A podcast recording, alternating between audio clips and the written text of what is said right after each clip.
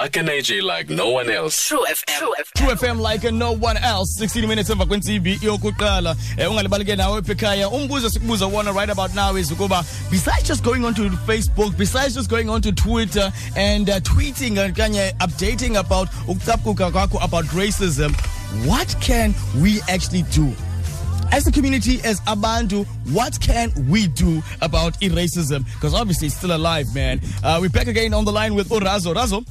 Sure, um, sorry about that. No, no, no Uh, problem, my man. No problem. Listen, Razo, let's just get into it. Why did you decide when uh, uh, to go out and to go and see Openi Sparrow when you saw this post? Yeah, I mean, like, uh, hashtags aren't enough. Mm. Hashtag Penny must fall. Hashtag what what uh, racism must fall. Mm. I mean, it's not enough. Mm. Uh, you- you have to deal with racism um, um, face to face. That's how you deal with racism. That's how I've been dealing with racism face to face. Sure. And so, like, so when um, I don't want to say opportunity presented um, itself, but yeah, that is. So, Mm. uh, um, she lives about 20 k's away from my place. So I was like, early in the morning when I found out, okay, she lives in in, in, in Scottburgh, I was like, oh, let me go to her work. Uh, so I went to what's this place? Uh, Jawitz Properties. Mm. Um, I spoke to to the principal, um, the principal there, and she was she was she was she was very sad and and and traumatized, and because she's been getting the whole day and whatnot about about this and stuff. Yeah. So, yeah, she then she told me no, Penny doesn't work there anymore, and what what what what. And I was like, no, that's not enough. Mm. You have to tell me where she works or where what's her address and what what what. And so I was like, no, I can't give you that and what what what what. And I was like, oh, okay, because I've already spoken to my comrades. Um, um, I've already had at the time I had I've already about seven buses that Mm. are going to be full. That we're going to go to Jawitz property and we were going to occupy the place. Yay. So I, yeah, so I tell I tell her uh, and and make up some stories to her, and I, I say um, we already have 15 buses, not not long, no longer five. Mm. So it was um, so it was 15 buses. I was like, no, there are 15 buses that are coming there to occupy the that they are coming to occupy the place. So um, I can't help you from there. So Mm. You have to give the, the guy something, um, give them numbers or what whatnot. So when I was leaving, she was like, "No, okay, um, her, her daughter has a necessary, a necessary, um, a few kilometers away from here."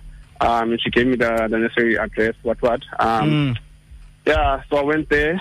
Um, yeah, when I got there, um, I spoke to the husband, the daughter's husband, and I was like, um, I want to, I want to see um, uh, Penny. And she was like, um, she's not here, and I was like, okay, can I see Charmaine then? And then yeah, Charmaine came, and I told Charmaine like, I, I can't speak English, abo. like I, I don't, I don't, speak English to I don't speak English to unless they they giving giving me a service or whatnot, or at the bank and whatnot. So I'm trying to pin, hey, angikwazi ukukhuluma into isingisi mina ngikhuluma isiZulu nje kuphela and yeah the um the husband um speaks fluent Zulu. So, so he was like um he was the one um translating everything about to her like and uh and I asked where's Penny and whatnot, where's your mother and whatnot. Um, I was quite surprised to find out that that that the daughter is old, like probably like she's she's close to her sixties and whatnot. Like I was expecting like a thirty year old or something. Mm-hmm. So yeah, um, she was like, no, she's in hospital. She's stressed about this. Um, she's got diabetes. So like this, um, she didn't mean what she said. Like um, it was uh, it was read out of context and what what what and whatnot. And so yeah, while we were still talking about that, and she was telling me like her and her mother are not racist. Um, she's got black employees. She went to show me some of the employees and whatnot, and I was like, okay, this is nonsense. So while we were um, talking about that, um, like bikers came. They were like chasing bikes for twelve hours. Um, yeah, um, I don't remember. Yeah, Mm.